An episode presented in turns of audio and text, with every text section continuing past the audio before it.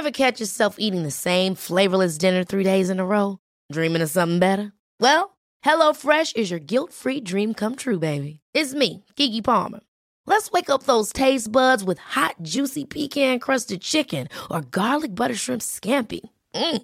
Hello Fresh. Stop dreaming of all the delicious possibilities and dig in at HelloFresh.com. Let's get this dinner party started. Hiring for your small business? If you're not looking for professionals on LinkedIn, you're looking in the wrong place. That's like looking for your car keys in a fish tank. LinkedIn helps you hire professionals you can't find anywhere else, even those who aren't actively searching for a new job but might be open to the perfect role. In a given month, over 70% of LinkedIn users don't even visit other leading job sites. So start looking in the right place. With LinkedIn, you can hire professionals like a professional. Post your free job on linkedin.com slash people today. Hey, it's Ryan Reynolds, and I'm here with Keith, co-star of my upcoming film, If, only in theaters May 17th. Do you want to tell people the big news? All right, I'll do it. Sign up now and you'll get unlimited for $15 a month in six months of Paramount Plus Essential Plan on us. Mintmobile.com slash switch. Upfront payment of $45 equivalent to $15 per month. Unlimited over 40 gigabytes per month. Face lower speeds. Videos at 480p. Active Mint customers by 531.24 get six months of Paramount Plus Essential Plan. Auto renews after six months. Offer ends May 31st, 2024. Separate Paramount Plus registration required. Terms and conditions apply if rated PG. Wil je dat we dertigers dilemma's voor je op blijven lossen? Ga naar petjeaf.com slash dertig in een dozijn. Welkom bij 30 in een dozijn, de podcast waar Jorien, 38, single en ik, Peet, 31 en verloofd, elke week een dertigers dilemma oplossen met behulp van vrienden, experts en het internet. De vraag van vandaag is, waarom is 30 worden zo'n dilemma? En we bespreken het met de uitvinder van het woord dertigers dilemma, Nienke Wijnands. Jorien, wij zijn deze podcast begonnen omdat we allebei last hebben van dertigers dilemma's. Dus vertel, waar wil je het vandaag over hebben? Ja, ik heb inderdaad mega last van het dertigers dilemma. Ik eh, heb dat natuurlijk in ons quickie al verteld. Ik vond het heel onrustig. En het erg is dat sinds ik 30 ben, ben ik eigenlijk elke, eh, elke verjaardag loop ik. Drie dagen van tevoren voor mijn verjaardag ben ik al een beetje down en depressief en labielig. En eh, twee dagen daarna vaak ook nog wel. En ik heb me echt voorgenomen dat het echt vanaf mijn veertigste klaar is. Dus het mag nog één keer. Ja, ja, ja, nog één keer. Eh, maar ja, wat ik al zei, ik vond het onrustig, ik vond het heftig. Eh, ik, heb jou, ik heb het boek van onze expert Nienke uitgebreid gelezen. En het was een feest aan herkenning, maar ook heel confronterend. Want wat ze inderdaad beschrijft over de termen als spitsuur, maar ik vergeleek mezelf ook veel met anderen. Ehm, en ik was, toen ik dertig werd, kwam ik op een, vond ik dat ik nog niet op de plek in mijn leven stond waar ik graag had willen zijn en waarvan ik vond dat ik had moeten zijn. Dus ik was eigenlijk heel erg teleurgesteld in mezelf. Eh, wat volgens mij synoniem is aan het hele dertigersdilemma. Eh daarbij ook nog eens afgestudeerd in de crisisjaren. Dus het was onmogelijk om een baan te krijgen. Loonsverhoging, nou dat zat er al zeker niet in. Ik heb zelfs nog een keer loon moeten inleveren. Eh, dat, dat soort grappen en gollen. Dus ik ben denk ik echt wel een typische millennial... die zichzelf veel vergelijkt, zoekende is. Ehm, eh, ja, dus ik, ik, ik heb zeker wel last van dat hele dertigersdilemma. Ik denk ook wel een beetje kind van de rekening. Ehm, maar tegelijkertijd ehm, gaat het allemaal hartstikke goed natuurlijk met mij. Zit ik helemaal op mijn plek. Maar eh, ja, vroeger was alles misschien toch wel een beetje. En dat hele uithuwelijken, zo slecht was dat nog niet. Het is nooit te laat. Nee, We kunnen nog wel wat voor je fixen, joh. Hey, en jij? En jij, heb jij last van het dertiger dilemma? Ja, ik heb er tientallen. Ehm, maar en ik vond 30 worden ook wel echt een drempel. En om dat een beetje voor te zijn, heb ik, ik ben in juni jarig. Ik heb in januari 2020 al Save the Dates verstuurd. Want ik dacht, dan gaan we het gewoon groot vieren. Barmannen, cocktails, hele huis, ondersteboven zetten. En dan gaan we het gewoon goed doen. En toen brak corona uit. Dus toen kon ik nooit mijn verjaardag vieren. Uiteindelijk heb ik wel mijn familie uit kunnen nodigen. En heb ik een chef laten komen. Die heeft gekookt. Dus dat is nog wel een beetje kunnen vieren. Een beetje kunnen aanstippen. Ehm, maar het was, ik ging niet helemaal het nieuwe decennium in zoals ik dat graag had gewild. Ehm, maar ja, genoeg dertigers dilemma's dus. En ik denk dat je het uiteindelijk maar het beste kan om, omarmen. En wat wij doen, er maar ook gewoon heel veel over praten. Want Ja. je komt erachter dat je niet alleen bent. Nee, nou laten we beginnen. Heb je wat facts en figures, Beet? Yes, de facts en figures van vandaag. We worden tegenwoordig gemiddeld op ons dertigste moeder. In 1970 kregen vrouwen hun eerste kind nog gemiddeld met 24 jaar. Het lijkt erop dat veel vrouwen hun kinderwens wat voor zich uitschuiven en voorrang geven aan een studie, carrière, verre reizen en een druk sociaal leven. De gemiddelde leeftijd bij mannen bij de geboorte van het eerste kind is 32,9 jaar. 25 tot 35-jarigen verdienen gemiddeld 27.500 euro netto per jaar. En 35 tot 45-jarigen gemiddeld 30.600 euro. Nou, vandaag is weer een expert bij ons. Nienke Wijnand, de uitvinder van het, boek, van het woord dertigersdilemma. eh, en de expert op dat gebied. Nienke is 48 lentes jong, geboren in Groningen en getogen in Den Haag. Heeft psychologie in Amsterdam gestudeerd en is haar carrière als loopbaanadviseur begonnen. Omdat zij toen eigenlijk al hele existen- existentiële vragen stelde. die later de basis voor haar boek vormden. Namelijk eh, Het twintiger twijfels en dertigers dilemma. Eh, haar veelgeprezen bestseller over de loopbaan en levensvragen van jonge hoogopgeleide dertigers, waarvan er inmiddels meer dan 60.000 ex- exemplaren zijn verkocht. Nienke Wijnands geeft in binnen- en buitenland lezingen en workshops voor en over dertigers. Nienke woont in Voorburg, heeft twee kinderen en is getrouwd. Klopt, allemaal. Ja, Welkom! Ja, dank je. Zo leuk dat je er bent. ja nou, dank je.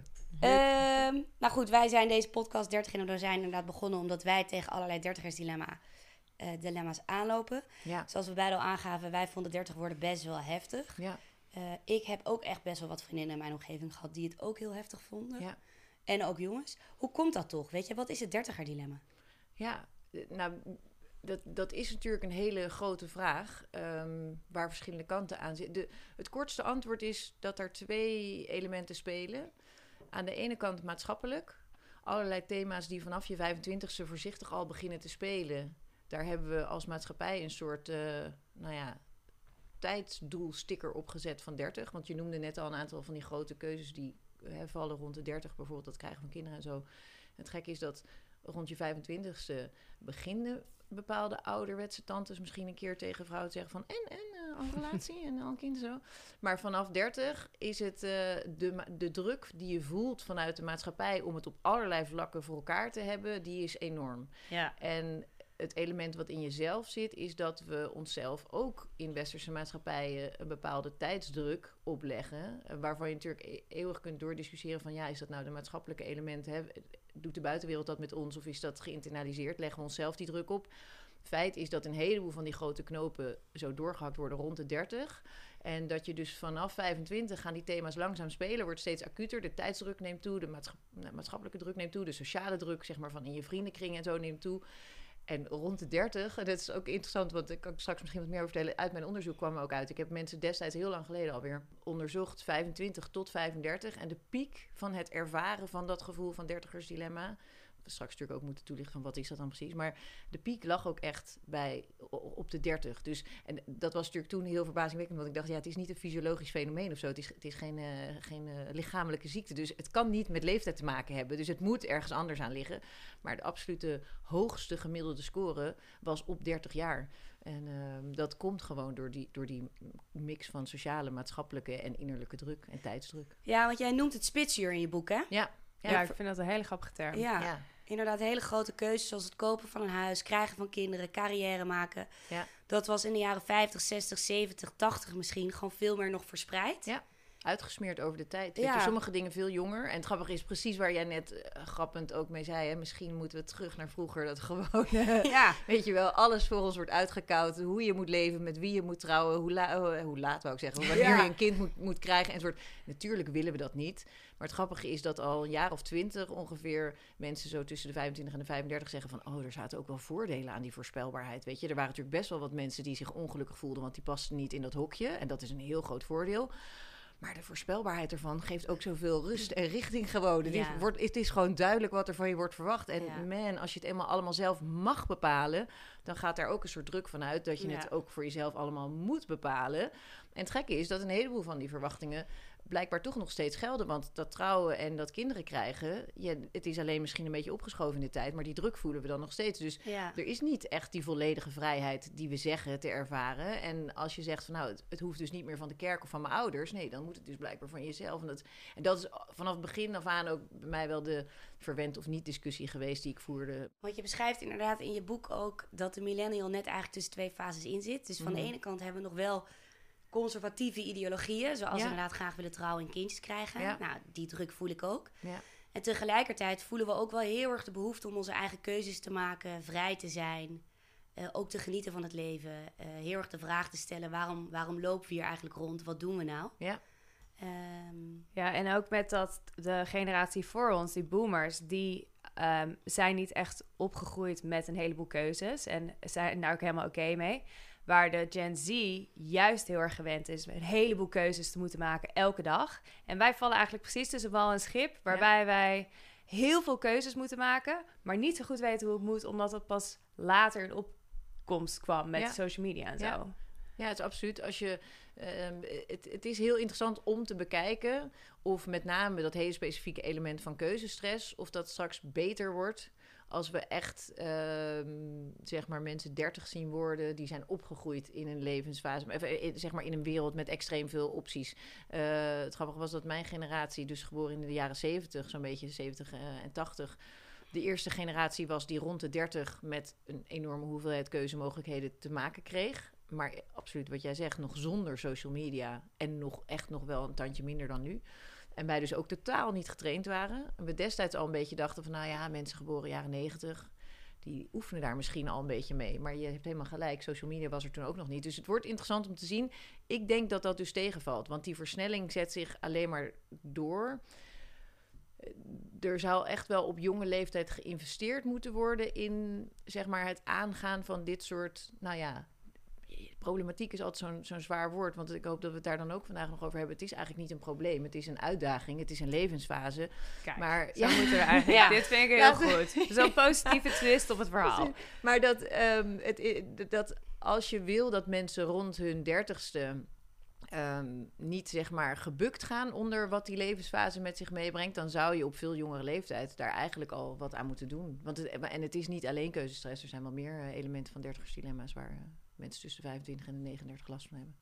ja, dus jij, zeg maar, zou je dan voorstellen dat het onderdeel wordt van educatie? Ja, een aantal dingen. Ja, een, een aantal dingen eh, vind ik echt opvallend. Als je nu. ehm, het, je, je ziet om te beginnen dat het fenomeen alleen nog maar verjongt. Vandaar ook dat wat ooit het dertigersdilemma heette, mijn boek nu twintigers, vijfers en dertigersdilemma's heet. Ja. Maar ik hoor nu vanuit eh, onderwijsinstellingen dat mensen eind middelbare school al last hebben van bepaalde elementen van dat dertigersdilemma. Zoals die keuzestress en die prestatiedruk en die sociale druk. Ehm, als je dan hoort waar ze last van hebben, dan zijn dat eigenlijk problemen of uitdagingen waarvan je denkt, ja, vroeger heb je wel taal en rekenles gehad, maar er is een heel globaal ja, maatschappijleer of eh, levensbeschouwelijke maar niets over, weet je, we hameren enorm op die praktische vaardigheden en intellectuele vaardigheden, maar ehm, eigenlijk mens zijn, eh, hoe wil ik zijn, wie wil ik zijn, hoe maak ik keuzes, daar is heel weinig tot op een heleboel in onderwijsinstellingen geen aandacht voor. En, en dat blijkt toch. En het grappige is dat net zo oud als die verwend of niet discussie is, Ja. zo oud is de discussie ook al die ik voer met bedrijven waar ik kom om deze doelgroep te ondersteunen. Ja, bij bedrijven is het toch nog steeds helaas zo dat pas als het ze geld gaat kosten, omdat de uitval onder die doelgroep zo hoog is, omdat ze allemaal met burn-out thuis op de bank zitten, dan zijn ze bereid om er iets aan te doen. Terwijl het is veel aantrekkelijker om daar proactief en dus preventief iets aan te doen dan curatief. En dat zou dus eigenlijk idealiter, maar jeetje, nou zitten we er al helemaal heel diep. Maar dat, dat zou idealiter al, eh, zeg maar op de basisschool zou je gewoon... En dat hoeft natuurlijk voor iemand op een basisschool helemaal niet eh, heel diepgravend te zijn of heel heftig. Hoef je echt niet eh, te gaan lastigvallen met levenskeuzes of te zien. Nee, maar wel, wie ben ik? Hoe, Ja. we, we proppen iedere, iedere week komen er nieuwe kleuters in een kleuterklas. En die gaan allemaal de dagen van de week opdreunen. En dan komen al die dingen van. Weet je, en we zijn allemaal bezig met de CITO-scores en de weet ik wat. Terwijl over wat het is om mens te zijn in deze wereld, waar een leven toe dient. Weet je, dat soort. ik- En wat ik al zei, dat hoeft niet zo diep te gaan eh, op jonge leeftijd. Maar keuzes maken en hoe doe je dat? Wat vind je belangrijk? Wat zijn je drijfveren? Ja, daar kun je best vanaf jonge leeftijd al iets mee doen. Ja, maar je beschrijft ook in je boek, want je hebt uitgebreid onderzoek gedaan. Ja. is dat de millennial over het algemeen het meest ongelukkig is. En eigenlijk de grootste uitvalrate heeft wat betreft burn-outs. Ja, mentale klachten onder jonge mensen. En ook dat verjongt eh, steeds meer. Want uh, vroeger had het echt de verschijningsvorm van een burn-out. En was dat zelfs in mijn tijd uh, nog bijna 90% een beetje werkgerelateerd. Dus die prestatiedruk die gold met name op de werkvloer en nog helemaal niet in het leven. En wat je nu ziet is dat we niet meer alleen op de werkvloer, maar we, er is sprake van een prestatiemaatschappij. Je moet er het leukste uitzien, het leukste huis hebben, de leukste Ja. partner, eh, de leukste reizen, de, beste volgers. kunnen koken. Nou ja, alles. En dat is natuurlijk door social media geëxplodeerd. Dus waar je vroeger het op werkgebied het sterkste voelde, is een burn-out tegenwoordig eh, vaak het resultaat van het leven in een veel eisende maatschappij. En in, de, in het, leven, het leven in een prestatiemaatschappij. En daar hebben met name jonge mensen het meeste last van. eh, omdat voor hun alle keuzes nog gemaakt moeten worden. Op een gegeven moment, zelfs al zijn de eerste keuzes wel gemaakt, is het de drukste fase ongeveer in het leven. Ehm, ja, het grappige is, nu ga ik ook wel iets zeggen wat meer uitleg behoeft. Maar het interessante is, ik zei net dat in mijn onderzoek van 25 tot 35-jarigen de piek, zeg maar, in scores rond de 30 lag. En waarvan ik natuurlijk dacht, ja, dat kan niet, want het is niet iets, eh, het heeft niks met je gezondheid te maken. En wat bleek uiteindelijk, uit alle schalen van dat 30 dilemma kon ik halen, dat dat kwam omdat mensen tot 30 grote knopen nog niet door hadden gehakt. Dus dan zou je kunnen zeggen, nou, het enige wat je hoeft te doen is knopen doorhakken. Dus kies die baan, boeit niet welke. Kies die partner, boeit niet welke. Ja. Neem een kind, boeit niet of je het wel niet... Koop een hè, huis, hè, boeien of het... hak, eh, hak door die knoop. Want dat, en dat is dus niet zo. Want het interessante is dat... ehm ga ik alweer een grote stap vooruit. Uiteindelijk uit mijn onderzoek bleek dat dat hele dertigersdilemma niks meer, maar zeker ook niets minder was dan een verschijningsvorm van existentiële vragen rond je dertigste. Namelijk dus zingevingsvragen. Wie ben ik? Eh, wat wil ik? Waar doe ik het voor? Vroeger, in de tijd van eh, eigenlijk alles voor mijn generatie, had je een eerste kleine oprisping van existentiële vragen rond je puberteit. Dus als je er vroeg bij was, dan dacht je op je 16 van... jeetje, wat zijn mijn ouders eh eikelige VVD-stemmers. Ik vind ze sukkels. Ik, ik neem een piercing, ik loop weg van huis... ik ga eh, vegetariër worden, weet ik wat. En dat was een... En, maar, hè, dus dat was wat ze zeiden. Maar wat was de vraag die eronder lag eigenlijk? Wie ben ik? Wie wil ik zijn? Hoe wil ik zijn? Hoe wil ik leven? En wat gebeurde er in de generatie tot en met de boomers, dus zeg maar tot mijn generatie? In de meeste westerse maatschappijen stapte je op dat moment in het treintje wat reed langs de stationnetjes van opleiding, baan, huisje, boompje, beestje. En wat gebeurde er dan? Pas op eh, rond het 50ste levensjaar, als de kinderen de deur uitgingen, kreeg de man een knoepert van de midlife crisis. Namelijk, jee, maar nou heb ik de beste jaren van mijn leven weggegooid voor dit gezin gezorgd. Eh, nou, dan kwam de Harley of de relatie met de secretaresse. Ik wilde het zeggen, die gingen lekker met de secretaresse vandoor. En de vrouw kreeg een knoepert van de empty nest syndroom. Van jee, mag nu die kinderen de deur uit zijn. Wat, wie ben ik nu eigenlijk nog? En dus de verschijningsvorm was een midlife crisis bij de man en een empty nest syndroom bij de vrouw. Maar wat was weer de onderliggende vraag? Wie ben ik eigenlijk echt? Wat wil ik? Weet je, hoe wil ik leven? Wat je in die tijd ook nog wel zag, was dat eh, sommige mensen die er nog niet eh, rond hun vijftigste om de oren hadden gehad, kregen een soort van kleine existentiële crisis eh, rond de pensioenleeftijd. Want als mijn baan ophoudt, wie ben ik dan eigenlijk nog zonder werk? En een hele kleine groep die hem iedere keer geskipt had, eh, die kreeg rond het einde van het leven nog een kleine existentiële crisis van jemig, ik heb mijn leven eigenlijk volledig geleefd voor anderen of voor de kerk of weet ik wat. En eh, wie ben ik eigenlijk en nu is het te laat. Dus wat ik destijds al tegen twintigers en dertigers zei, het grote voordeel van die vragen voelen, ook al denk je dat het is, moet ik die MBA gaan doen of niet? Nee, dat is het dus eigenlijk niet. Het is een existentiële crisis vermomd als twintigers, twijfels, dertigers dilemma's. Maar het grote voordeel is, is als je hem dan proactief goed aankaart, je een knoepert van de midlife crisis kan voor, niet volledig uitgummen, maar wel eh, voorkomen in die zin dat je geen enorme pieken meer krijgt. Dus als je zeg maar het leven zo uitdenkt van 0 tot 100, dan was het net als corona, kan je een beetje zeggen flatten the curve. Als je vroeg genoeg Ja. zeg maar je, je existentiële vragen adresseert, dan voorkom je daarmee een midlife crisis. En dan, en, en dan kom ik terug op wa- waarom jullie, hè, jullie zeiden net van zou je daar dan op school al iets mee moeten doen? Ja, als je dus met bepaalde elementen van het adresseren van die existentiële vraag, en zeker niet te diep op je vijfde, en zeker niet te zwaar of te moeilijk op je zestiende, maar wel als je daar meer aandacht aan besteedt. En zeker ook als je als twintiger bijvoorbeeld proactief, dus vanuit een positieve situatie aan de slag gaat met die levensvragen en die zingevingsvragen, dan voorkom je het dertigersdilemma. En dan voorkom je dus ook een midlife crisis. En, want jij vroeg daarvoor ook, die leeftijd van 30, die hebben dan mentaal... Die mentale klachten hoeven er niet te zijn als je ze herkent voor wat het is, namelijk zingevingsvragen. Want wat er gebeurt is, omdat we dat echt verleerd zijn... en omdat dertigers echt denken van het gaat om die keuze voor een partner, voor een kind. Hè, wat ik al zei, als je die knopen dus doorhakt op, op dat hoogtepunt van die crisis... zonder na te denken, dan krijg je straks weer een knoepert van de midlife crisis opnieuw om je oren. Want dan heb je die vragen die eronder lagen die ben je niet aangegaan. Je hebt gewoon gedacht, oké, weet je wat, hoppakee, ik ga maar met Jan of uh, met, uh, Ja. met Frits. En eh, ik, neem maar, ik neem maar een kind als het je gegeven is. Ja, dan krijg je hem op je vijftigste opnieuw. Maar dit geeft de burger dan toch wel Nou, moed. ik ga helemaal lekker op dit Want, gesprek. want in Ik heb principe... nog nooit Ja, zo stoppen. positief over dertigers dilemma's Ja, want in gesproken. principe, dus wat jij zegt, Ja. als je de hele vraag helemaal uitkleedt, Mhm. dan is eigenlijk dus de vraag die je hebt op je zestiende, maar dus nu eigenlijk met dat dertigersdilemma op ons dertigste, wie ben ik? Mhm. Mensen die dus vroeg pieken, die dus inderdaad op hun dertigste trouwen, kinderen krijgen, die krijgen die existentiële vraag van wie ben ik op hun vijftigste of vijfenzestigste. Als zij zonder na te denken die knopen hebben doorgehakt, of überhaupt hun hele leven eigenlijk al. en dat, zie, dat is het allerinteressantste. We hadden het net al over hoe vrij we denken te zijn.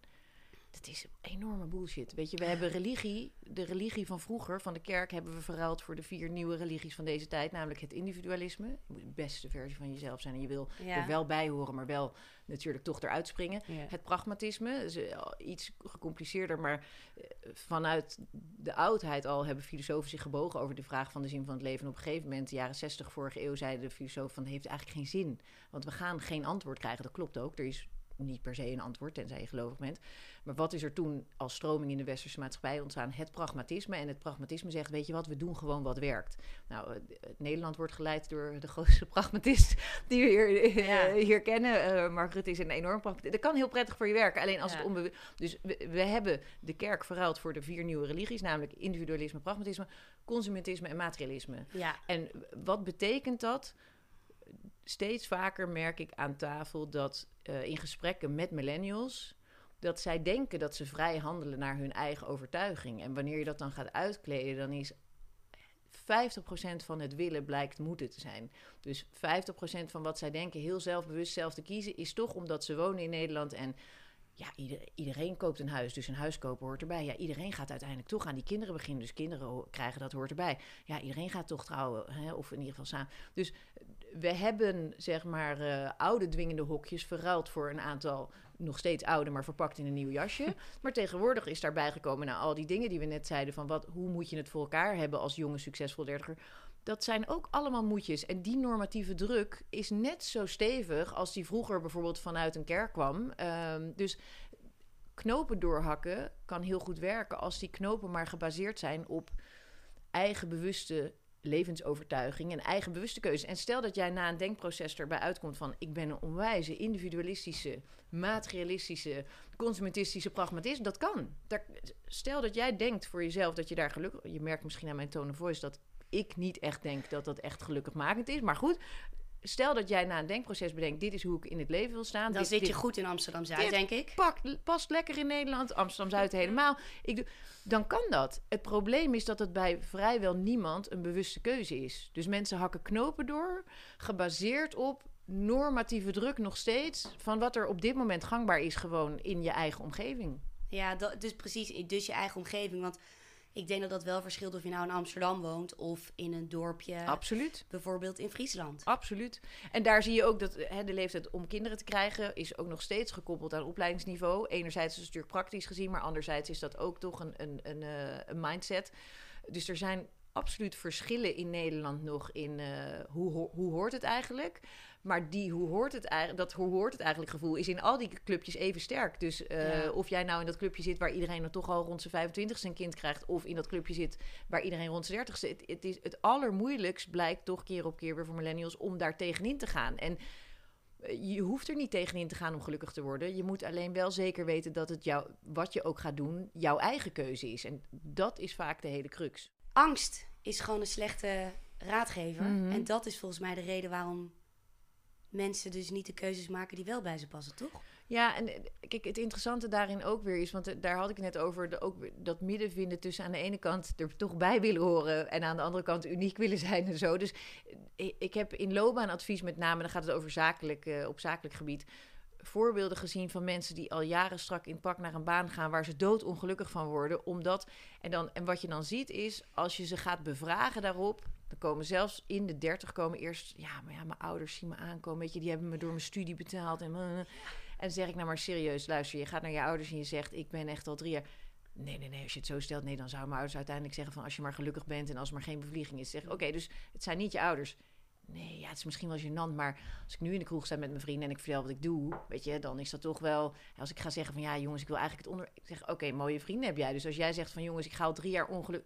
Nee, nee, nee, als je het zo stelt, heb je eigenlijk wel gelijk. Nee, als ik de- En wat blijkt dan dat dat construct waar we het net ook over hadden, van welk deel daarvan is maatschappelijke druk, welk deel daarvan is sociale druk, welk deel zit gewoon in jezelf, zijn wat je zo in psychologie zo mooi noemt metastereotypen, dus verwachtingen die jij denkt dat anderen van jou hebben, weet je wel.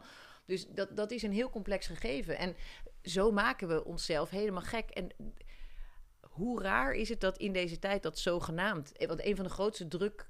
Een van de grootste factoren van druk die millennials ook zeggen te ervaren... is dat juist met het wegvallen van al die dwingende hokjes van vroeger... kerk, financiën, ouders enzovoort...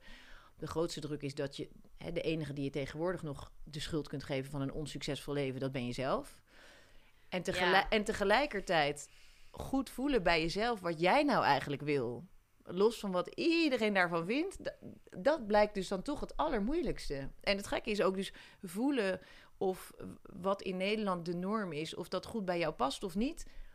Dat doen mensen ook helemaal niet expliciet. We zitten maar in dat treintje omdat je toch ook steeds bang bent om buiten de boot te vallen. Ja. Of dat je denkt, ja, maar als ik nu uit dit treintje stap, weet je, ik kan maar beter wel dat papiertje halen. Want als ik dat papiertje niet heb, ja, ik kan maar beter nu wel aan die baan beginnen. Want als ik die baan niet heb, het is ook niet gezegd dat je zonder papiertje of zonder baan gelukkig gaat worden. Maar je, je mindset over vrijheid en dat de norm niet bepaalt hoe jouw leven eruit dient te zijn, die zou veel groter moeten zijn en veel ingrijpender. En dat is precies wat jij zegt. Dat vinden mensen dus het allerengst en het allermoeilijkst. Ever catch yourself eating the same flavorless dinner three days in a row? Dreaming of something better? Well, HelloFresh is your guilt-free dream come true, baby. It's me, Kiki Palmer. Let's wake up those taste buds with hot, juicy pecan-crusted chicken or garlic butter shrimp scampi. Mm. Hello Fresh. Stop dreaming of all the delicious possibilities and dig in at HelloFresh.com. Let's get this dinner party started. A lot can happen in three years, like a chatbot may be your new best friend. But what won't change? Needing health insurance. United Healthcare Tri Term Medical Plans, underwritten by Golden Rule Insurance Company, offer flexible, budget friendly coverage that lasts nearly three years in some states. Learn more at uh1.com. Ik heb er ook wel last van hoor. Toch ook wel inderdaad de druk van mijn ouders, maatschappelijke druk. Ik maak. Ik heb, merk dat ik me daar dus ook door heb laten leiden. En dus nu inderdaad op een bepaald punt in mijn 30 jaren ben gekomen. Dat ik denk, ja, waar ben ik nou mee bezig? Ik ga nu voor mezelf kiezen. En dus inderdaad ook een beetje de vraag aan het uitkleden ben. Maar Peet, heb jij er last van gehad? Maatschappelijke druk, druk van je ouders? Ja, ik merk ook wel dat ik... Ik heb vaak het idee dat ik mezelf zou moeten uitleggen aan mensen om me heen en ook mijn ouders. En dat vind ik heel vermoeiend. Nou, met, het, het is met, kleine... Verantwoording afleggen. Dat. Ook met hele concrete dingen. Want nu eh, kom ik natuurlijk straks steeds meer als de zweeg- zweverige, vage uh, goeroe te boek te staan. Maar ik ga toch deze erin gooien, omdat het een voorbeeld is. Ik kom uit, voor, uit Voorburg. Ehm, dus bij mij was er ook altijd wel een soort plaatje van, nou ja, wie- wie is zij en hoe is zij? En ehm, ik denk dat ik vanaf 2010 op eh, de Partij voor de Dieren stem. En dat ik... ehm, Dat zeg je ook niet hardop in de In- kroeg toen. in het begin al echt hoorde dat mensen echt zeiden, weet je, oh, de ouders, want ik had toen al een kind op de basisschool, zo oud, zo, ik ben uit 74. oh ja, je had al gezegd, eh, 48 geleden, nou ja, goed. Dus eh, toen had ik al een kind op de basisschool. Nou, bij die, die ik, ik werd echt niet eens uitgedacht, maar echt dat mensen echt dachten, nou, steek je los aan die vrouw. Weet je, want partij... Dus toen kwam de hele discussie over de naam en moet het dan niet Partij voor het Milieu en weet ik wat. Zonder om het inhoudelijk over die keuze te hebben over die partij. Wat ik het meest interessante vond, was dat ik op een gegeven moment een jaar of vier, vijf geleden, eh, omdat er een discussie woedde op Facebook, dacht ik ga daar toch iets over zeggen. Dus ik schreef daar een post over op mijn Facebookpagina. Nou, veel minder likes dan normaal gesproken. Ehm, maar een extreem lange commentslijst. En het meest opvallende was dat daar dus comments onder stonden van mensen die ik heel hoog had zitten op verschillende gebieden. En die zeiden: ben zo blij dat jij dit opschrijft. Want ik merk nu dat door, doordat jij aangeeft op de Partij voor de Dieren te stemmen, dat dit iets is wat ik al jarenlang voor me hou, omdat ik me ervoor schaam. Dat ik- dacht ik, mijn god, wij leven in Nederland. Het is nu eh, 2017, weet je wel. En mensen durven dus niet te zeggen dat je op de partij... En eh, dit is iets kleins. En ja, het is nog steeds een partij die vol controverse en zo. Dus, dus het gaat mij nu niet om de inhoud van die partij. Maar het gaat mij dus om die normatieve druk. Dat dus Ja. mensen van toen mijn leeftijd, midden 30... Ja. Dus al, al vijf jaar op een partij stemden... waar ze niet voor uit durfden te komen, omdat dat... Nou, zo sterk is dat dus op alle vlakken, weet je. Wat we kopen, wat we dragen, wat we eten, hoe we leven, met wie we samenwonen, wat voor huis we kopen, op wat voor...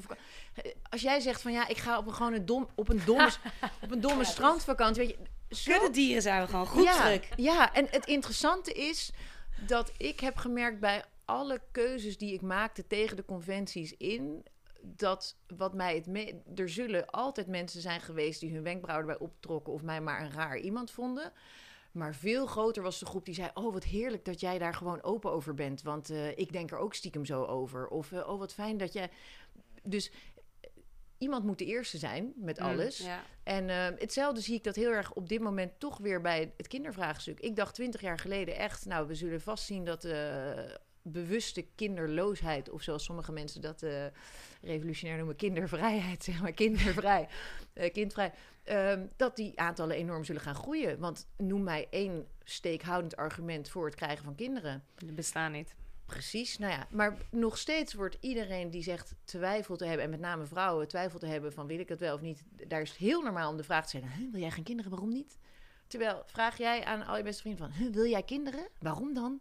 Het is zo raar. En dat zijn echt dingen die zijn natuurlijk door decennia... eeuwenlang zo gesleten. En je hebt totaal gelijk, want eigenlijk zouden we de vraag terug moeten stellen. Want het is bijna asociaal om nu nog vier kinderen op de wereld te zetten. Gezien de huidige, wereld waarin we leven. En Ja. gewoon die hele klimaatcrisis. Objectief, praktisch en feitelijk is er veel meer tegen te zeggen dan voor te zeggen. Maar het rare is, omdat we het allemaal doen met z'n allen, is het dus done om dat in twijfel te trekken. En zo is het dus met heel veel van die dingen.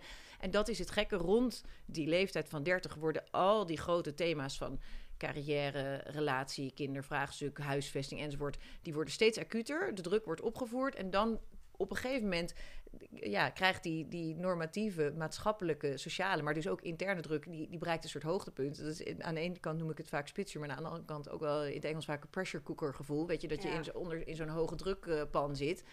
Dat is dat gevoel. En Ja. als je op een gegeven moment dan, en waar de meeste mensen last van hebben zonder dat ze het weten, is dat wat eigenlijk knaagt, is dat ze keuzes aan het maken zijn die niet stroken met wat zij van binnen eigenlijk echt belangrijk vinden, of echt voelen, of echt willen. En dat je, en dat je omdat die keuzes zo onder druk staan door die normatieve druk, dat ze sowieso niet eigen voelen. Want wat ik net al zei, het zou best kunnen dat jouw keuzes uiteindelijk heel goed stroken met wat hier in Nederland gangbaar is. Nou, als het maar precies. bewust is. En ik krijg dus ook heel vaak de vraag, omdat ik vrijgezel ben, waarom ik dan vrijgezel ben. Ja, daar heb ik ook helemaal geen... Daar heb ik mega kutvraag. Kan je niks mee? Daar kan ik niks mee. Daarbij wordt er altijd door de maatschappij toch een beetje gedaan... als je vrijgezel bent, dat je in een on- ongelukkige fase van je leven zit... tussen twee relaties in. Ja. Eh, wat ook niet geheel waar is. Want wat jij zegt, ook over kinderen... ik zou eigenlijk heel, vraag, heel graag de vraag terug willen stellen...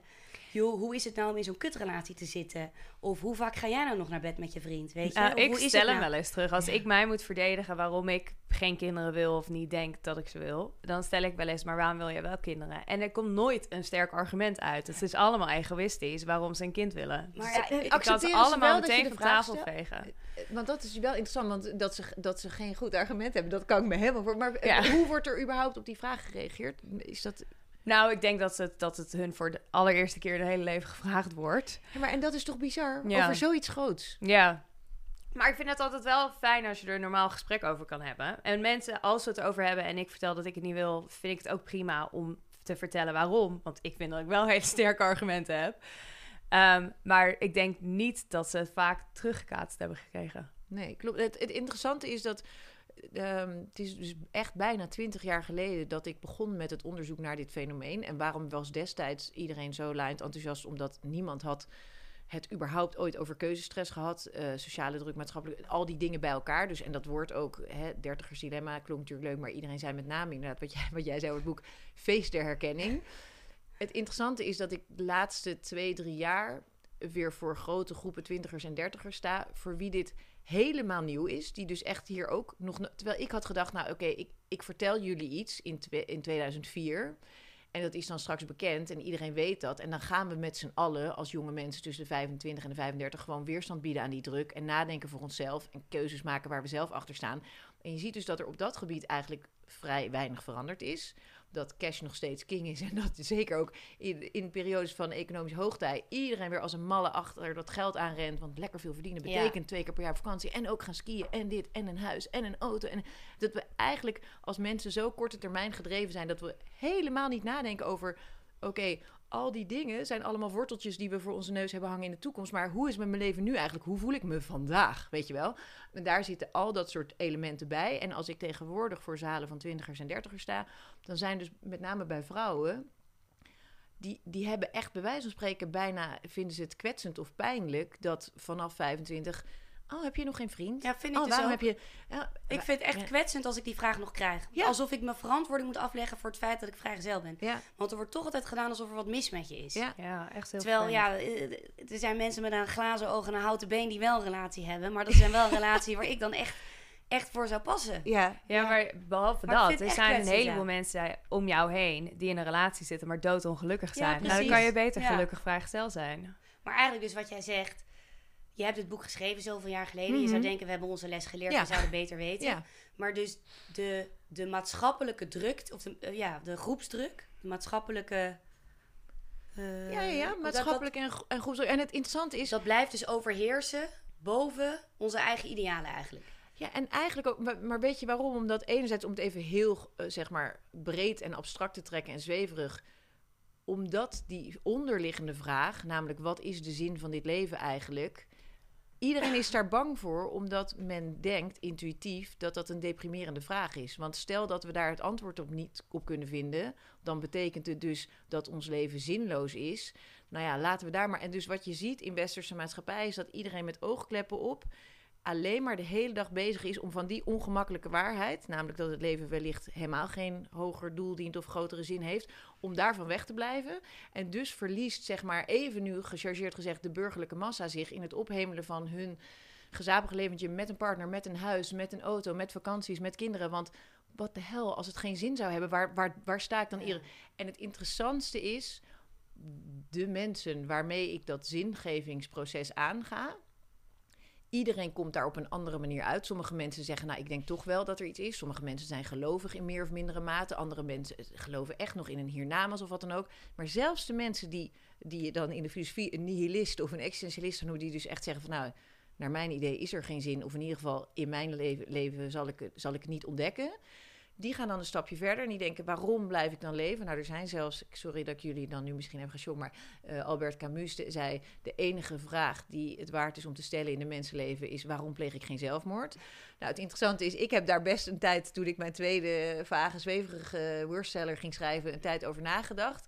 En dat zijn hele interessante gedachte-experimenten. Want op een gegeven moment dacht ik van, nou oké, stel je voor, even echt nadenken. En toen had ik nog geen kinderen, dus als ik niet denk, ik zou geen zelfmoord plegen omdat het andere mensen kwetst. Maar als ik het even puur op mezelf betrek.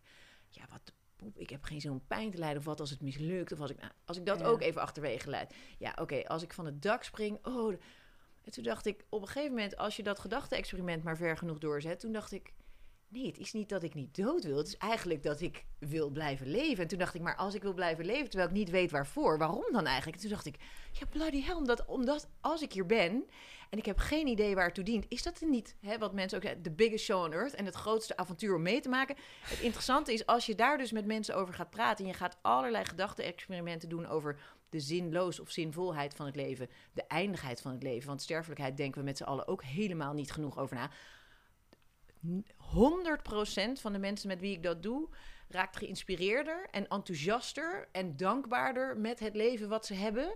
En dat is wat je heel vaak ziet van mensen die enorme tegenspoed hebben gehad, die ehm, ernstig ziek zijn geweest, iemand hebben verloren. Die zeggen naar aanleiding van zo'n groot ingrijpend live event van, bloody hell, ik ga leven als, as if there's no tomorrow, weet je wel. Dat kun je dus ook met jezelf doen vooraf. Daar hoef je niet een trauma voor meegemaakt te hebben. Je hoeft geen kanker gehad te hebben. Weet je, Nou, ik Zo vind het wel wat je heel zegt grappig. Ja, ik kan mezelf echt verliezen in die gedachten. Met wat de fuck zijn we hier aan het doen? Want ik snap er gewoon geen reet van. Mhm. Ik. Wat de fuck zijn we hier met z'n allen aan het Mhm. doen? ja. En ik verlies mezelf daar niet in met dat ik serieus overweeg zelfmoord te plegen. Maar ik snap het gewoon niet. Ik snap het leven niet. Ik snap het doel er niet van. Ehm, dus ik herken wel heel erg wat jij zegt. Ik kan, ja, ik kan daar echt heel lang over nadenken. Nou ja, en ik heb dus wat ik, waarom ik dus ook elk, elk jaar loop te grienen op mijn verjaardag. Dus inderdaad, die existentiële vragen. weer een jaar ouder. Eh, geen koophuis, geen dikke auto voor de, voor de deur. Geen man, geen kind. Geen man, Nou, je- geen kind. Eh, al mijn vriendschappen veranderen omdat iedereen een beetje aan het broeden is eh, en alleen nog maar over geld kan praten. Ik woon nog wel heerlijk in Amsterdam. Waar ben ik nou mee bezig? Wie ben ik? Maar inderdaad, als je er dan langer over na gaat denken, joh, wat is het eigenlijk een feestje om hier rond te mogen lopen? En wat leuk Ja, dat ik je nog van alles nog kan gaan ontdekken. Ja, en je vrijheid om het zelf in te kleden zoals je wil, is nog veel groter dan Ja. je denkt. En wat jij zegt, van dat je je erin kan verliezen, dat komt voor een deel ook omdat de mensen die zich die vraag wel stellen, zich eenzaam voelen in het zich stellen van die vraag. Omdat andere mensen leven alsof zij wel weten waar ze het voor doen. Ja. Maar believe me, die mensen Nee, hebben geen idee. Die volgen gewoon de grote kudde. Omdat ze het doodeng vinden om daarover na te denken. Terwijl Ja. als we die vraag met z'n allen bespreekbaar zouden maken. En dat is dus wat ik zie als je dat doet in een, hè, zeg maar een beetje meer eh formele setting. En je, en je gaat daar constructief mee aan de slag met die vragen. Van wat vind je eigenlijk van sterfelijkheid? Wat vind je eigenlijk van, van zinloosheid? Dan denk je, het is toch bizar dat we met z'n allen... Hè, het zijn van die leuke tegeltjeswijsheden van... hallo, dit is niet de generale repetitie... dat we nu aan het oefenen zijn en dat we straks het echt... Nee, dit is het, Dit weet is je. het. Het kan morgen voorbij zijn. Ben je dan bezig met Ja. Die auto, dat koophuis? Nee, dat is het niet. Maar ik vind het wel grappig, want ik kom eigenlijk nooit, als ik hier zo over nadenk, kom ik nooit echt aan bij dat stationnetje waar jullie komen met. ehm, het is hartstikke leuk en het is gezellig, dus ik ben blij dat ik er ben. Nou, ik ook nog niet echt hoor. nee? Ik vind gewoon die maatschappelijke druk heb ik dus heel erg last van. Maar nu we het er zo over hebben, denk ik bij mezelf, waar gaat het over? Ja. Ik moet daar gewoon vanaf, van die maatschappelijke druk. Nou, ja, ik vind het wel goed. Misschien als ik Want hier de volgende keer me weer in verlies, ja, dat jij zegt van uiteindelijk kom ik aan bij een gedachte met ik ben heel blij dat ik er ben en dat ik dit mag meemaken en zo. Ik moet eigenlijk die gedachten denk ik doortrekken en ook daar. Want jij eindigt dus nu nog bij het stationnetje. Wat de fuck doe ik hier? Ja, ik ook hoor. Eigenlijk. Ik ben nog nooit na daar dit gesprek, gekomen. Na dit gesprek. Nu Nou ja, moet... daar, nou, daar, zitten, daar zitten drie dingen in. Ten eerste is het absoluut waar, en dat is gewoon iets, eh, hè, wetenschappelijke kennis. Je gemoedstoestand wordt voor 50% bepaald door je genen. En het hangt er echt wel vanaf eh hoe positief is jouw genensetje, hoe goed kan je vanzelf zeg maar, al met deze vragen dealen en hoe, hoe ga je daarmee om. Dan zit er nog 10% situationele factoren. Dus in 10% wordt je gemoedstoestand überhaupt bepaald door, eh, nou ja, eh, heb je het goed, heb je het slecht? Eh, heb je net een, een ellendige, heb je een vreselijke corona net gehad of wat dan ook? Heeft je vriendje verlaten? Al die dingen, alle situationele dingen. En dan 40% is bewust gedrag wat je vertoont.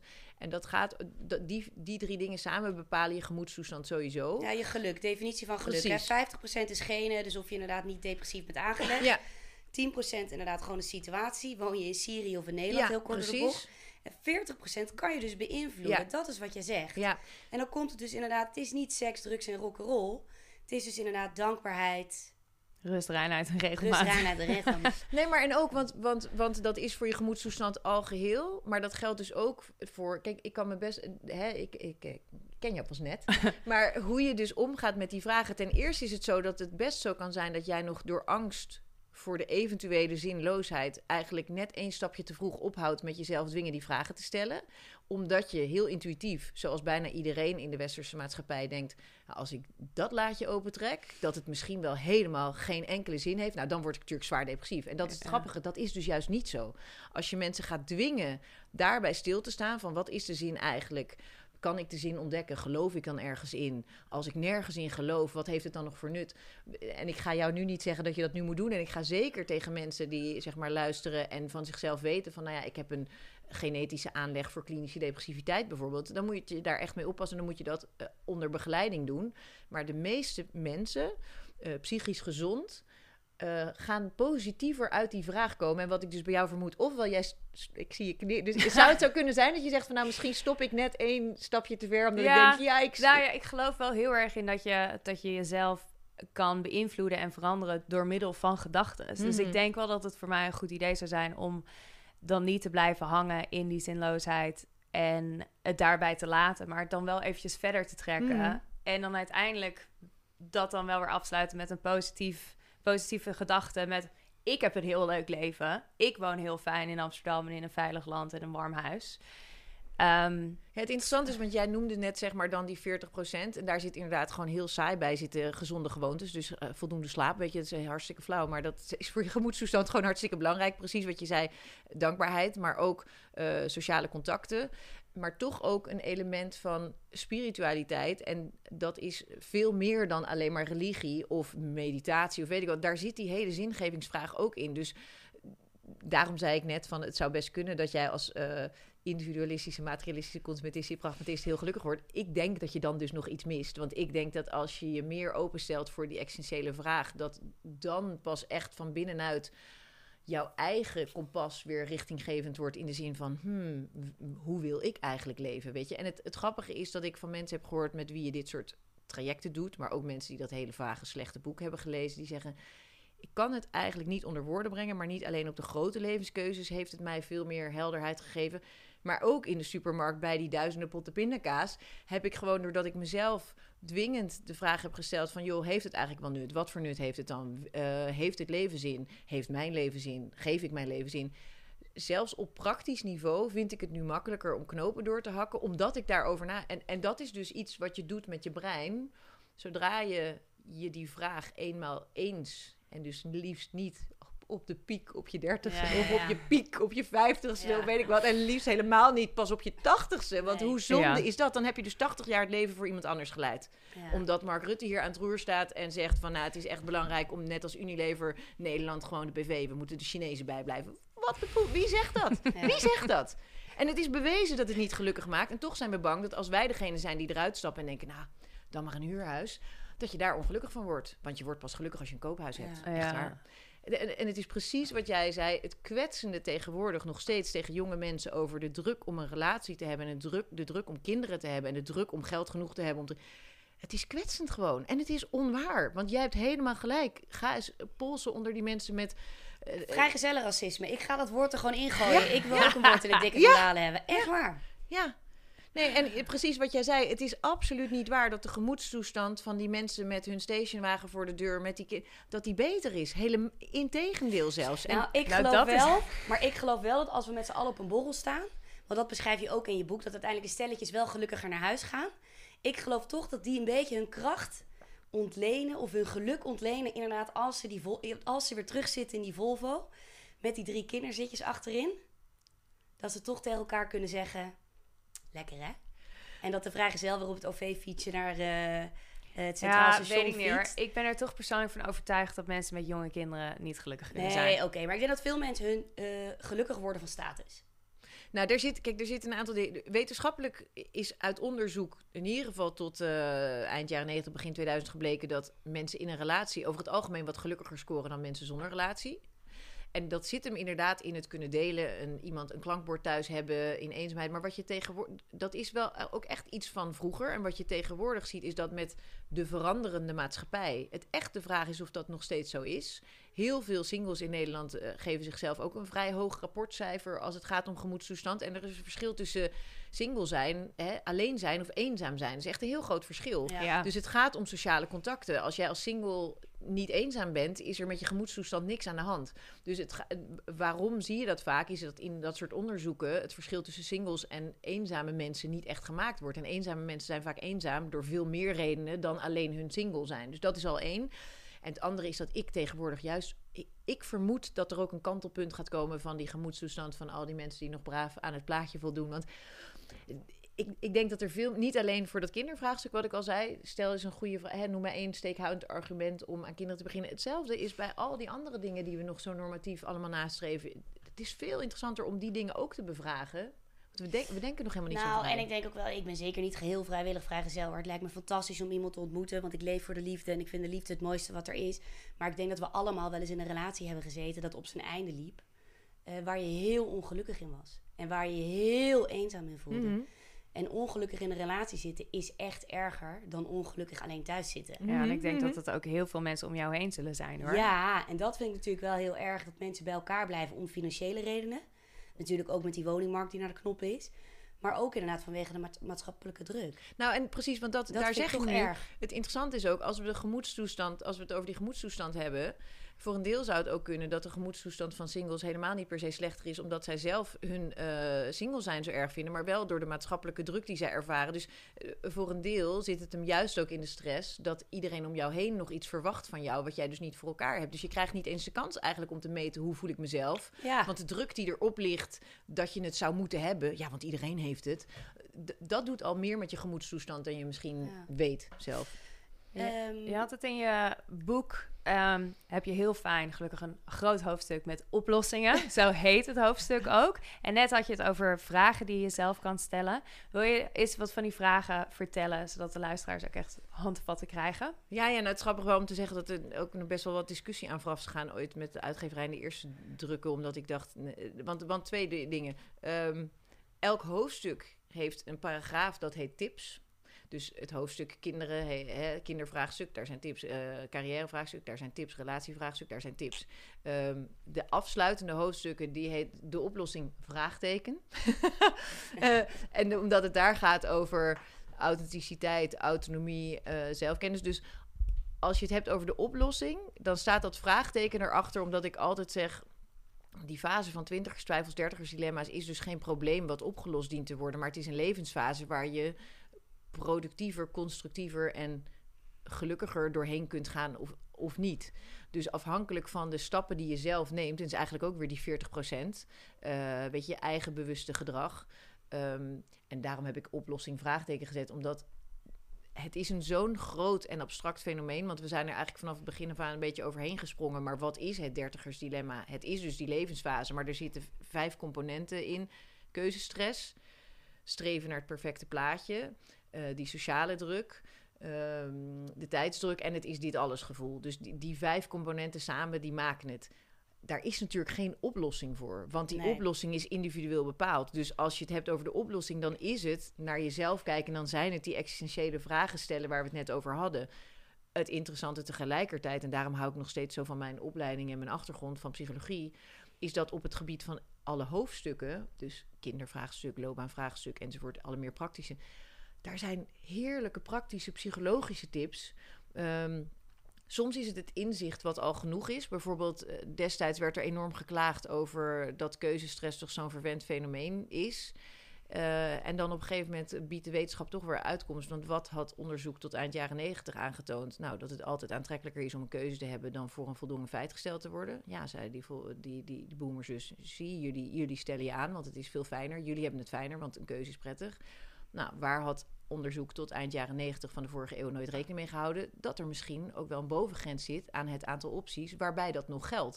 En op een gegeven moment vanaf jaren, eh, nou ja, vanaf de eeuwwisseling, vanaf 2000 is er onderzoek gedaan naar hoe is het om te kiezen met onnoemelijk veel opties. Nou, dan zie je daar gewoon uit tevoorschijn komen waarom dat ons stress oplevert. Dan zie je dat de onoverzichtelijkheid ervan, eh, maar ook de negativiteit. Want als je twee opties hebt en je kiest er één, nou, dan zeg je alleen maar nee tegen één aanlokkelijk alternatief. Terwijl als je 100 opties hebt en je moet er één kiezen, dan zijn er 99 aan. Nou, dus zo komt psychologisch onderzoek dan met feiten, waardoor wij gewoon tegen de boomers kunnen zeggen van luister vrienden, het is gewoon psychisch onaantrekkelijker om veel opties te hebben. Wat gebeurt er namelijk ook? Eh, vroeger had je twee opties en dan maakte je een keuze en had je spijt of niet. Want je had of de goede of de foute optie gekozen. Tegenwoordig zijn er honderd opties. En waar gaan millennials mentaal, eh, massaal onder gebukt? Geanticipeerde spijt. Dus de spijt die je verwacht te zullen gaan ervaren als je fout kiest. Want ja, er zijn zo gruwelijk veel opties, dus ik ga de goede optie er vast niet uithalen. Nou, waar leidt die geanticipeerde spijt? Stress. stress, maar ook totale besluiteloosheid bij heel veel mensen. Dus dan maar niks kiezen of alles een beetje doen. Of van tevoren eigenlijk al denk eh, mindere tevredenheid als je eenmaal die keuze hebt gemaakt. Dus dat, daar is in de psychologie zijn er heel veel prettige handvatten om dit soort dingen. Eh, de theorie bijvoorbeeld van de satisficers en de maximizers is al een hele oude theorie. Want ook vroeger had je mensen die op, altijd optimaliseerden. En mensen die, nou het klinkt tegenwoordig al bijna als een vies woord, genoegen nemen met. Ehm, en wat blijkt uit onderzoek vroeger al, dat optimaliseerders eh, inderdaad eh, objectief gezien vaak met betere resultaten thuiskomen. Bijvoorbeeld dus in de zoektocht naar een eerste baan met een hoger startersalaris.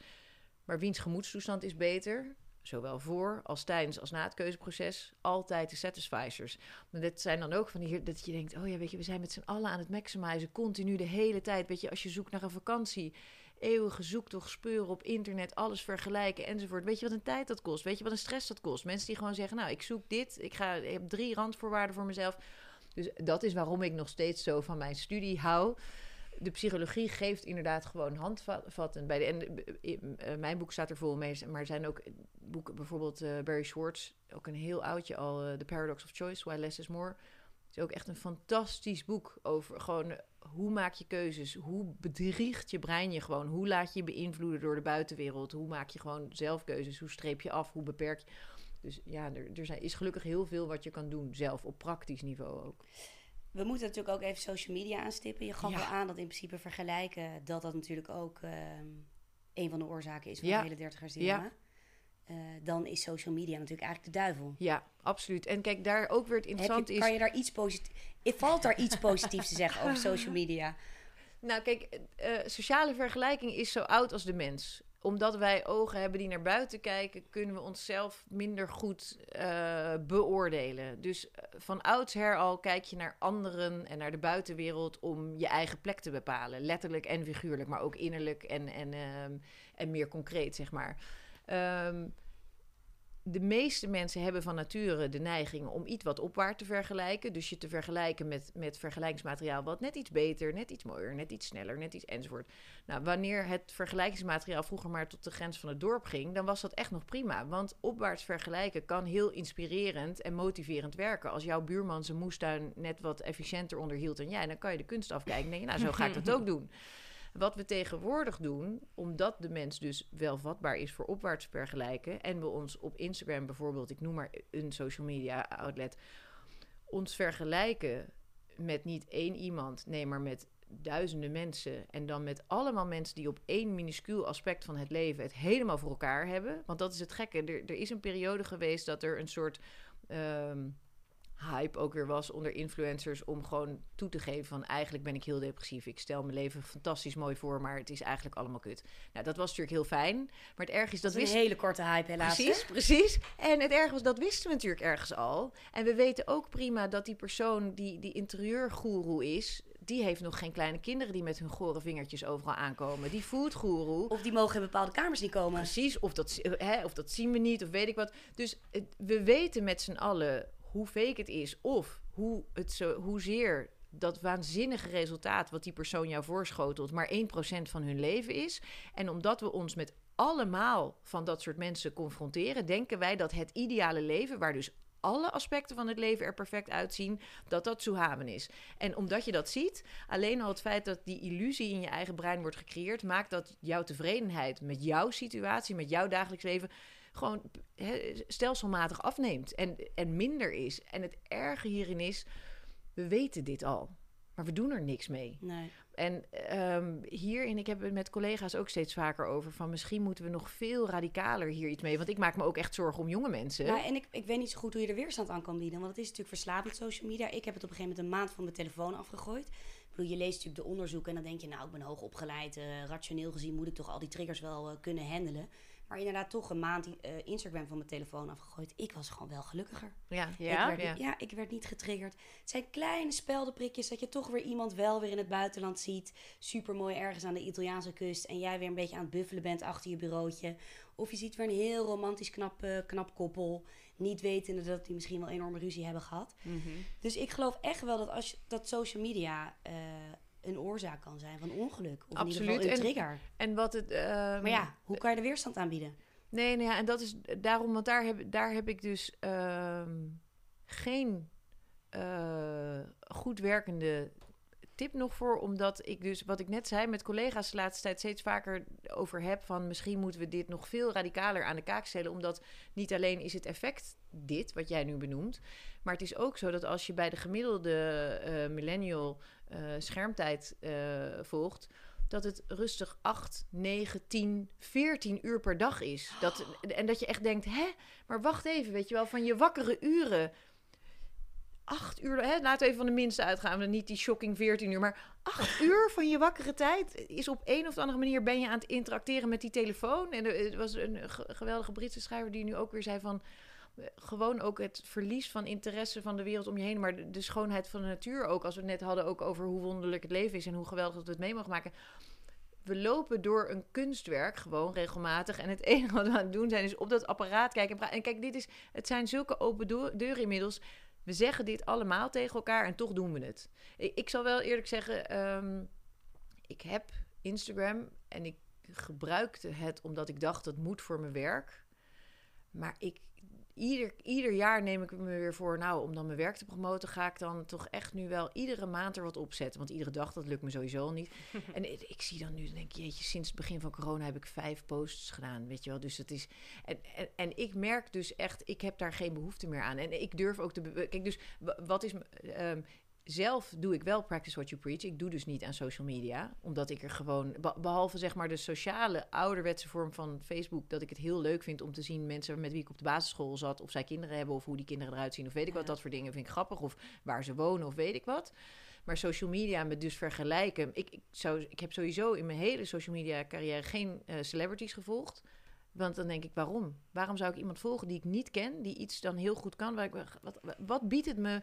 Wat, wat biedt het me? Ja, inspiratie wel, maar goed. Waarom? Ja, ja, ja, ja, maar ja. Nee, dus, maar wat ik daarmee eigenlijk probeer te zeggen is... ik denk dat dit een van de grootste factoren is. Want het is erbij gekomen sinds, wij, sinds mijn generatie al last had van 30 En ik denk dat het heel schadelijk is. Alleen ik heb de oplossing nog niet. Dus als ik daarachter ben, hoe je... Want ik doe het zelf dus niet. Maar dan eh, kom ik bij jullie terug om te vertellen hoe je... Want het is, het is absoluut een hele, een hele zware eh, duit in de zak... op het gebied van 20, 35 dilemma's die social media. Het is echt killing. Want jij zei dus inderdaad 30 dilemma's. Jij bent daar toen mee begonnen met het onderzoek. Eh, in principe was dat jouw generatie, de millennials. Nou, dat zijn Peter en ik dan. Maar dus eigenlijk de generatie onder ons heeft er dus ook last van. Ja, en al eerder en al jonger. Dus eh, eind middelbare school. Begint het gewoon al. Ja, ja. Dus het is niet inderdaad ehm, alleen eh, besteed aan de millennial. Maar dus Nee. aan ieder. Nee, en ik had destijds ook wel de hoop van, nou ja, enige bekendheid, dat lost het probleem misschien wel op. Maar, en, en dat is dus niet zo. Dus maar wat jullie net allebei al zeiden, A, het bespreekbaar maken. Ja, Dat, dat is echt voor een heleboel mensen al zo'n steuntje in de rug, omdat steeds vaker weer merk ik nu bij zalen dat ik de eerste ben tegen wie. Een hele, een van mijn eh, favoriete Vlaamse psychiaters, Dirk de Wachter, die zegt aan de ene kant klagen hij en zijn vakbroeders in België, net zoals in Nederland, over het feit dat de GGZ eh, in westerse landen overspoeld wordt door jonge mensen met klachten die daar eigenlijk niet thuis horen. Maar hij zei, het is veel te gemakkelijk om daarmee te zeggen dat dat hun probleem is. Want ten eerste, de psychiatrie is een spiegel van de ziel. Dus het feit dat ze zo massaal zich aanmelden, dat zegt gewoon iets. Dat is een signaal. Maar zei, het ergste is, is dat ik vaak hoor na een uur praten, zeggen ze tegen mij... Oh, nou meneer, het is zo fijn dat u bent de eerste met wie ik dit dan... Hij zei, dat is het grote probleem. Hij zei, problemen en vraagstukken die we vroeger met vrienden, familie... of bij wijze van spreken de kerk, de pastoor bespraken... Nu zijn we zo bezig om bij elkaar allemaal dat verhaal hoog te houden... van hoe geweldig het allemaal gaat en hoe mooi en fantastisch. Precies wat jij net zei. Ik krijg heel vaak komen mensen met mij met dat boek... met ook nog 40 post-its erin. zeggen ze, het is zo herkenbaar... maar gewoon het lezen ervan al dat ik niet de enige ben... dat was voor mij echt al de helft van de oplossing. Dat merk je heel erg. Dus erover praten, uitspreken... maar ook het feit dat jij zei van... ja, vind wel best wel eenzaam, die essentiële vraag. Ja, waarom? Omdat we het daar niet over hebben. We zijn zo druk bezig met praten over oppervlakkige... totaal useless, oninteressante onderwerpen... terwijl dit zou het echte gesprek moeten zijn... Ja. waar je met vriendinnen eh, s s'avonds over doorzakt. eigenlijk wel. We hebben dus één onderwerp eigenlijk nog niet echt aangestipt. Wat eigenlijk Mhm. heel belangrijk is. Dat is toch carrière. Hmm. Ehm, en daar geef je ook wel bepaalde goede handvaten, vind ik, in je boek. Om... Want jij bent natuurlijk je, bent je carrière be- begonnen als loopbaanadviseur. Hmm, ja. Ehm, en ik moet zeggen dat de handvaten die je daarin geeft... eh, dus Peter en ik hadden het erover. Dus wie inspireer je? Wat zijn je favoriete beroepen? Eh, waar ben je goed in? Ja. Ehm, maar niet alleen qua karakter, maar ook inderdaad... ben je bijvoorbeeld heel goed, hoe stom het ook klinkt... in PowerPoints eh, maken? Of ben je nou eens Excel-goeroe? Ja, en het grappige is dat, want tegenwoordig klinkt dat ook al bijna als een vies woord. Weet je wel, een PowerPoint groe of een Excel groe. Oh, dan heb je geen inspirerende baan die betekenis toevoegt en weet ik wat. Nee, dat is ook weer een sticker wat we elkaar opplakken dat dat per se moet. Weet je wel, je, niet voor iedereen is dat zo. Er, daar op het gebied van loopbaan zijn er gelukkig heel veel praktische adviezen en tips ook. Kijk, voor mij was het belangrijk. Ik merkte zoals ik in het leven stond en ook eh, hoe interessant ik mensen en menselijk gedrag vind en hoe duidelijk bij mij er een soort gevoel zit van mensen vooruit helpen of mensen iets bij willen brengen of mensen het meest effectieve gedrag willen laten vertonen. Dat was iets wat ik van binnenuit voelde. En daar heb ik wel naar moeten leren luisteren. Maar ik word daar heel gelukkig van. Ik weet tegelijkertijd dat er mensen zijn die ehm, niet op dat niveau of aan de ene kant een talent hebben of een roeping. Als jij iets hebt waar je goed in bent, dan word je daar vaak, wanneer je dat doet, ook best wel happy van. Hè, dan is je en als je het niet geluk wil noemen, want ik vind geluk ook wel een ingewikkeld. Daar kan je ook een hele podcast over vullen. Ik heb het liever over een positieve gemoedstoestand. Ehm, dan maakt het niet uit. Dan kan het zo plat of zo praktisch zijn als je wil, die bezigheid. Ehm, want daar kun je dus ook ontzettend happy of gelukkig van worden. Weet je wel, eh, mensen die een heel praktisch uitvoerend beroep hebben. Het feit dat we tegenwoordig ook praten over hoger opgeleide en lager opgeleide. Nee, het is theoretisch opgeleid of praktisch opgeleid. We hebben allebei even hard nodig in deze maatschappij. En van allebei kun je even gelukkig worden. Dus die enorme focus op zo hoog mogelijk opgeleid. En je baan moet, eh, je moet impact hebben. Je moet Ja. betekenis, je moet purpose, iets moet iets Ja. toevoegen. Niet voor iedereen. Als Volg jij daar passie, hebben we ook Ja. al inderdaad. Ja. als je daar gelukkig van wordt, ja. Maar andere mensen hebben een hele positieve gemoedstoestand als ze meubels aan het maken zijn. En dat kan dus ook. En daar zijn dus inderdaad, ik, ik heb het over verschillende elementen. Ook inderdaad, denk na over welke beroepen spreek je aan. Ga met, ga met mensen praten die bepaalde beroepen uitoefenen. Eh, bestempel je helden. Waarom bewonder je bepaalde mensen? Wat zit daar dan precies in? Maar ook gedegen zelfonderzoek. Weet je wel, wanneer ben ik in een flow? Wanneer ben ik in mijn element? Wat vind ik echt lastig? Wat vind ik doodeng? Eh, waar ben ik gewoon slecht in? Waar... Ja, op het gebied van loopbaan is het eigenlijk nog best wel makkelijk. Als je maar ook daar weer eh, weerstand weet te bieden aan die sociale en normatieve druk. Want Ja. dat is weer de belangrijkste. Dat is degene die mensen vaak keuzes doet maken die niet bij ze passen. Omdat ze denken, oh shit, wat zullen mijn ouders wel denken? Of die, of die. Wat Ja. zal de wereld wel niet denken? Ja, ik denk dat we wel gewoon kunnen concluderen dat eh, het dertiger dilemma is gewoon... eh, het is er gewoon.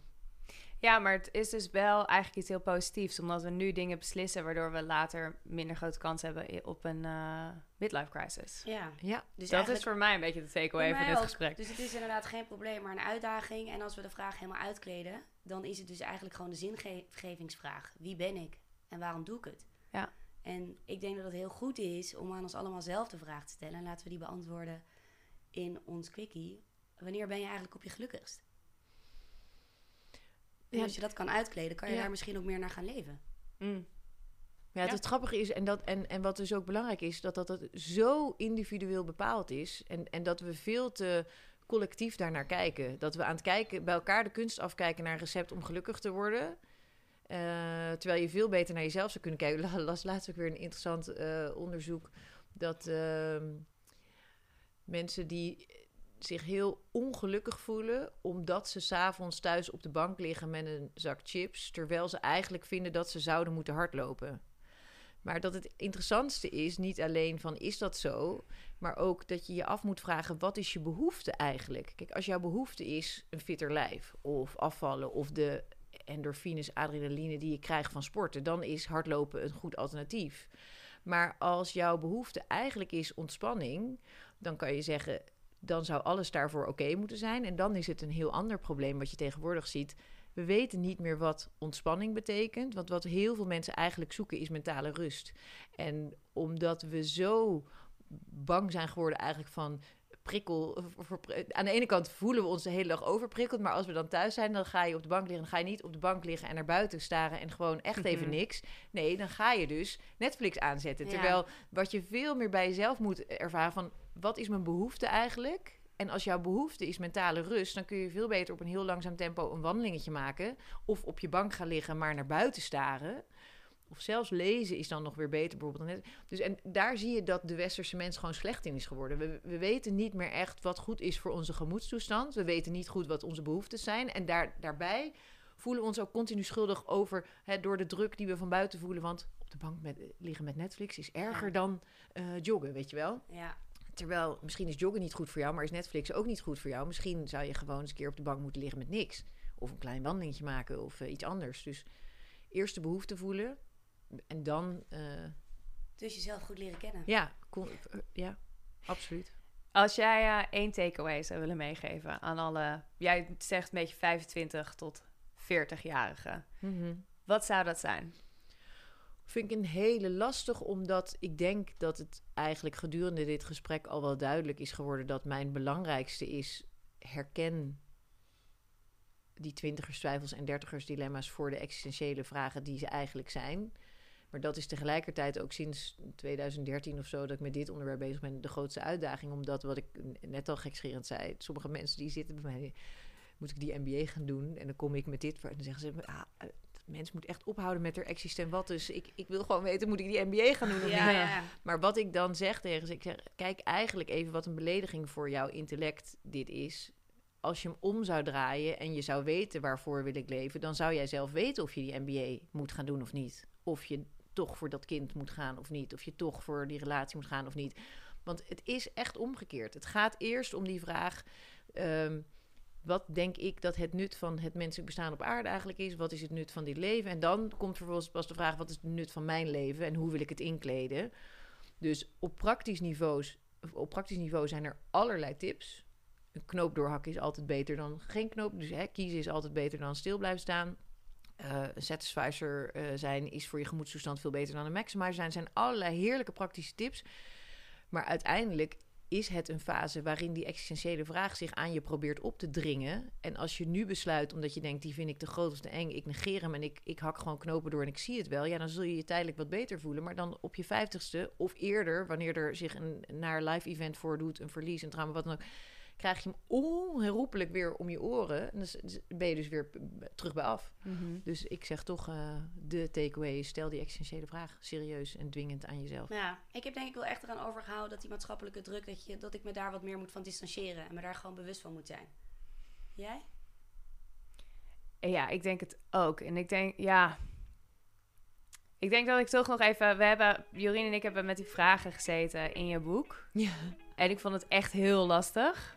Maar ik moet er toch wel gewoon even weer goed voor gaan zitten, tijd voor nemen. En dan eventjes kijken wat daar onderaan de streep Ja. staat. Het is gewoon die red race. En je moet er gewoon inderdaad bij stilstaan, bij die existentiële vraag.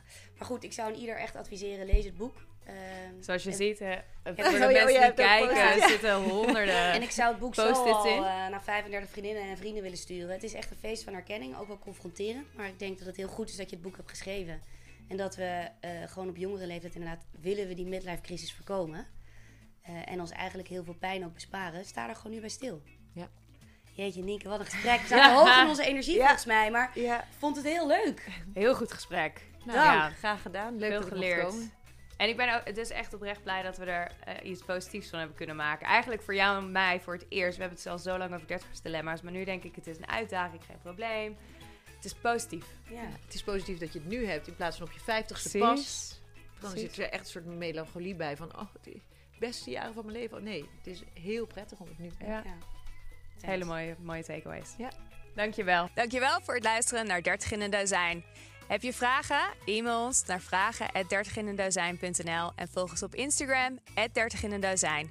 Doedels!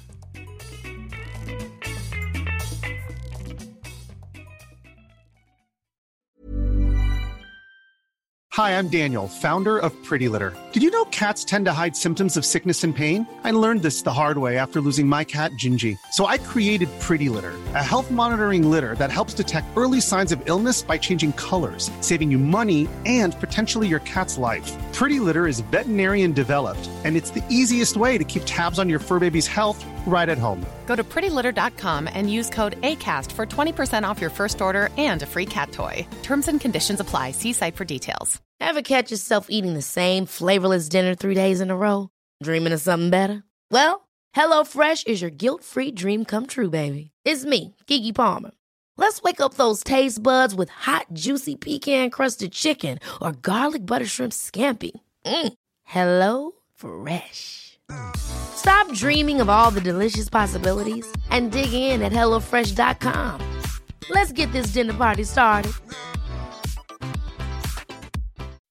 When you make decisions for your company, you look for the no brainers. If you have a lot of mailing to do, stamps.com is the ultimate no brainer. Use the stamps.com mobile app to mail everything you need to keep your business running with up to 89% off USPS and UPS. Make the same no brainer decision as over 1 million other businesses with stamps.com. Use code PROGRAM for a special offer. That's stamps.com code PROGRAM.